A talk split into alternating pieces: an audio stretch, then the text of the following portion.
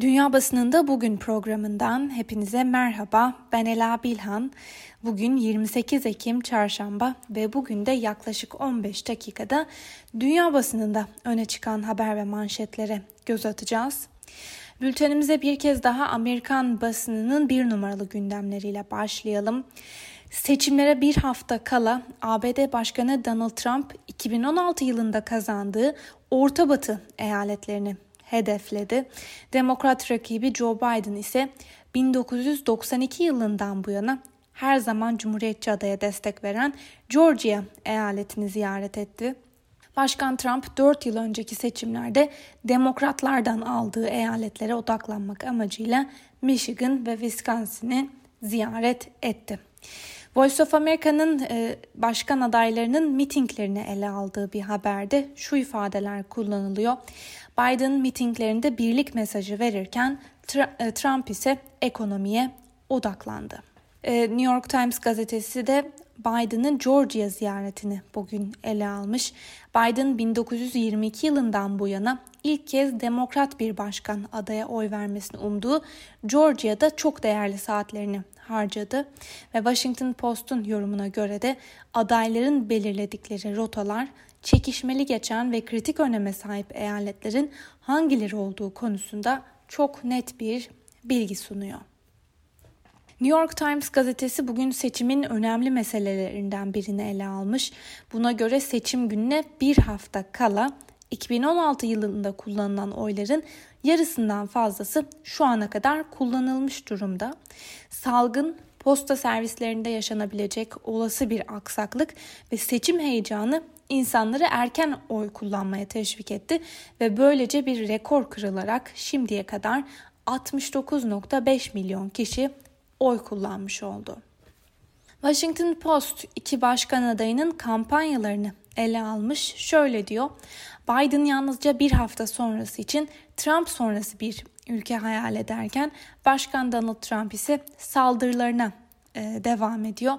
Başkan Trump dillendirdiği söylemlerde bir kez daha demokratlara, posta yoluyla oy kullananlara ve Covid-19 testlerine saldırdı. New York Times'ın gündemindeki bir diğer haberde salgınla ilgili. Buna göre ABD'de koronavirüsü vakalarının soğuk havayla birlikte artmasıyla son bir haftada yaklaşık 500 bin kişi koronavirüse yakalandı. Covid-19 nedeniyle hastaneye başvuran hastaların sayısı %46 oranında artarken hastaneye yatış oranları ise %13 oranında arttı. Hastaneye yatışlardaki bu keskin artış daha az kaynağa sahip şehir ve eyaletleri de çok zor bir durumda bıraktı New York Times'ın haberine göre. Bütün bu gelişmelerin dışında ABD yeniden bir protesto dalgasıyla karşı karşıya gibi gözüküyor. Amerika'da polis pazartesi günü 27 e, yaşındaki siyah bir vatandaşı birkaç e, kez vurarak öldürdü. Polis ihbar üzerine gittikleri yerde Walter Wallace isimli vatandaşın bıçakla üzerlerine yürüdüğünü iddia etti. ABD'nin Philadelphia kentinde dün yüzlerce kişi polisin siyah bir vatandaşı vurarak öldürmesini protesto etmek için sokağa çıktı. Pazartesi akşamı başlayan protesto gösterileri sürerken kente daha fazla polis gönderileceği ve ulusal muhafız birliklerinin de şehirde konuşlandırılacağı açıklandı. İngiliz BBC bugün ilginç bir anketin sonucunu gündemine taşımış. Buna göre bölgedeki Arap halkları arasında yapılan bir ankete göre ABD başkanlık seçimlerindeki her iki adayın da Kuzey Afrika ve Orta Doğu için iyi olmayacağına inanılıyor. Araştırma şirketi YouGov ve Suudilerin sahibi olduğu Arab News gazetesinin ortaklaşa yaptığı ankete katılanların yarısı bu fikri savunuyor. %40'lık bir kesim Joe Biden'ın bölge için daha iyi olacağı e, fikrini savunurken yalnızca %12'lik bir kesim Başkan Donald Trump'ı tercih ediyor. Peki İngiltere'de neler konuşuluyor? The Daily Telegraph'ın manşetine ikinci dalgaya ilişkin endişeler taşınmış. Buna göre hükümet ikinci dalganın birinci dalgadan çok daha ölümcül olacağı varsayımıyla çalışmalarını sürdürmeye devam ediyor. Acil durumlar için bilim danışma grubu tarafından hazırlanan bir projeksiyonun ölümlerin baharda olduğundan daha düşük bir seviyede zirveye çıktığını gösterdiği belirtiliyor. Gazeteye konuşan bir kaynak ise Başbakan Boris Johnson ve danışmanlarının giderek artan baskı nedeniyle yeniden ulusal bir karantina e, alma fikrini de gündemlerine aldıklarını söylüyor. The Guardian'ın manşetinde şu sözler var. Ulusal çaplı bir karantina için çağrılar artıyor. Salı günü ülkede 367 kişinin Covid-19 nedeniyle hayatını kaybetmesinin ardından ulusal bir karantina uygulanması için hükümete uygulanan baskı da arttı. Bu arada bu orandaki ölümlerin 422 ölümün rapor edildiği 27 Mayıs'tan bu yana günlük en yüksek sayı olduğu da belirtiliyor. The Guardian'ın aktardığı bir diğer habere göre de Fransa Cumhurbaşkanı Emmanuel Macron'un radikal İslam'la mücadele kapsamında yaptığı konuşmalarda İslam'la ilgili olarak kullandığı ifadeler Müslüman ülkelerde tepki çektiği gibi ülkelerde protestolar da sürüyor. Örneğin İran'da yayınlanan ve aşırı sağ görüşleriyle dikkat çeken Vatane Emroz gazetesi Macron hakkında Paris'in şeytanı ifadelerine yer verirken Bangladeş'in başkenti Dakka'da sokağa çıkanlar Macron'un fotoğraflarını göstererek şeytana tapan sloganları attı. Dakka'daki eyleme yaklaşık 4000 kişi katılırken Irak'ın başkenti Bağdat'ta ise Fransa konsolosluğunun önünde Fransa bayrağı yakıldı. Ürdün'de de Macron'a yönelik tepkiler sosyal medya kampanyalarıyla sürdürüldü. Yine İngiliz BBC'nin Fransa'ya ve Cumhurbaşkanı Emmanuel Macron'a ilişkin aktardığı bir analizle devam edelim. Fransa'da alevlenen radikal İslam tartışmalarının ardından Fransa hükümeti İslamcı ayrılıkçılık ile mücadeleyi öncelikli maddeler arasına koyacağını açıklamıştı. Cumhurbaşkanı Macron iktidara geldikten 18 ay sonra 2 Ekim 2020'de İslamcı ayrılıkçılık ile mücadele edip laik değerlerin savunulması için bir dizi yasa geçirme planlarını açıkladı. Bir liderin iktidara geldikten bu kadar kısa süre içinde hem dünya genelindeki çatışma hatlarında aktif rol üstlenme hevesi hem de radikal İslam e, tartışmalarının hala gündemde olduğu bir dönemde İslamcı ayrılıkçılık ile mücadele etme planları kimileri tarafından fazla hırslı görüldü.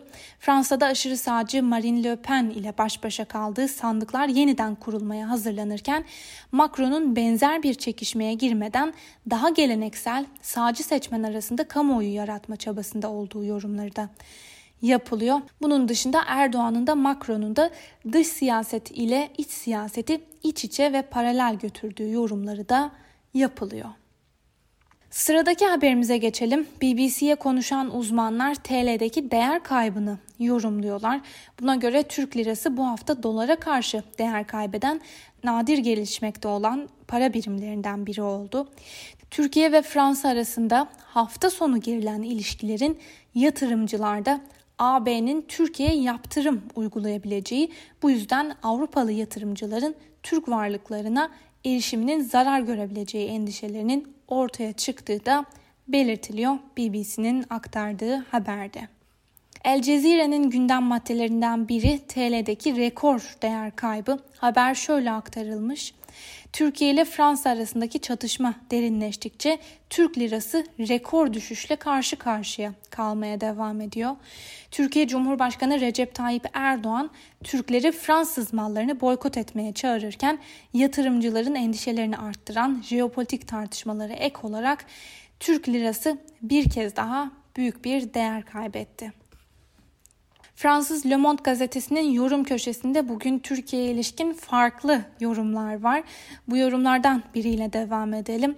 Türkiye'de Recep Tayyip Erdoğan'ın kaybolan aurası başlıklı e, yoruma göre Erdoğan'ın Emmanuel Macron'a yönelik saldırıları bir kez daha onun uluslararası cepheyi işgal etmesine izin verirse aynı zamanda kendi ülkesindeki zayıflamaya ihanet ederek derin bir krizle karşı karşıya kalabilir.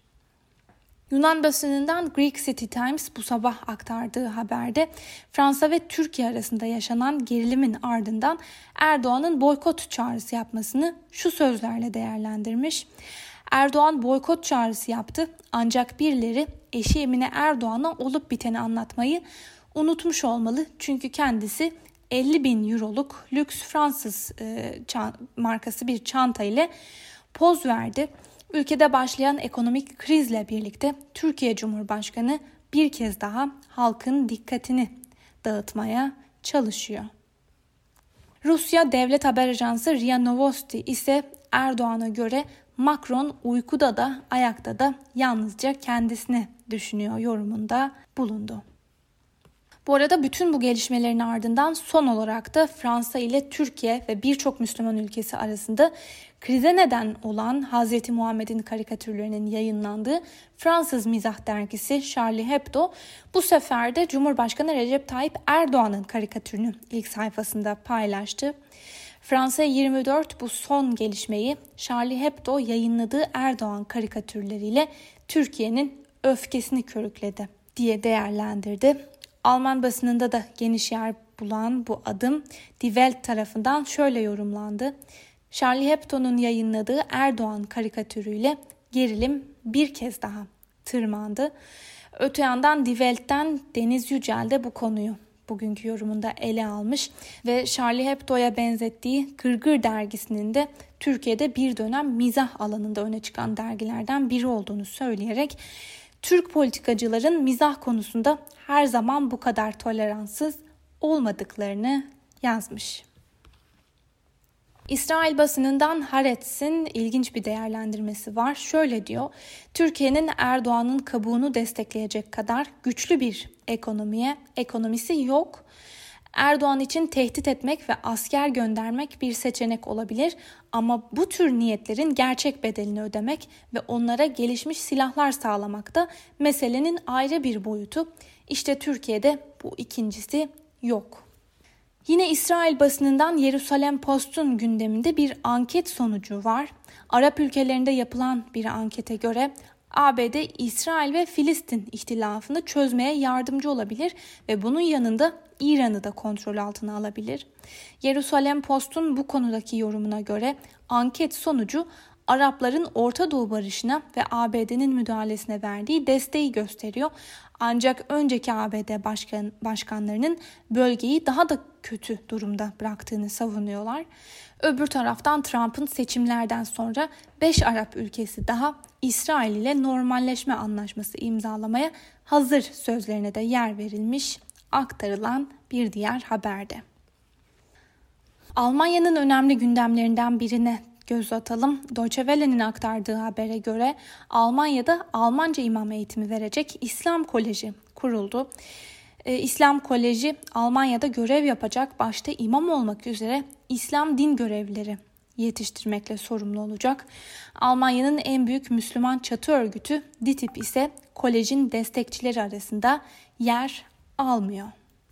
Bu arada tabii ki Almanya'nın şu andaki en en önemli gündemi de kontrolden çıkan salgın ve hızla artan vaka sayıları. Ne yapılacağına karar verilmesi için Başbakan Angela Merkel ve eyalet başbakanları bugün bir araya gelecek. Vakalardaki artış nedeniyle hükümetin yeni kararlar alması bekleniyor ve Deutsche Welle'nin aktardığına göre yapılan bir kamuoyu anketi ise çoğunluğun yani %63'lük bir kesimin kapanma beklediğini de gösterdi.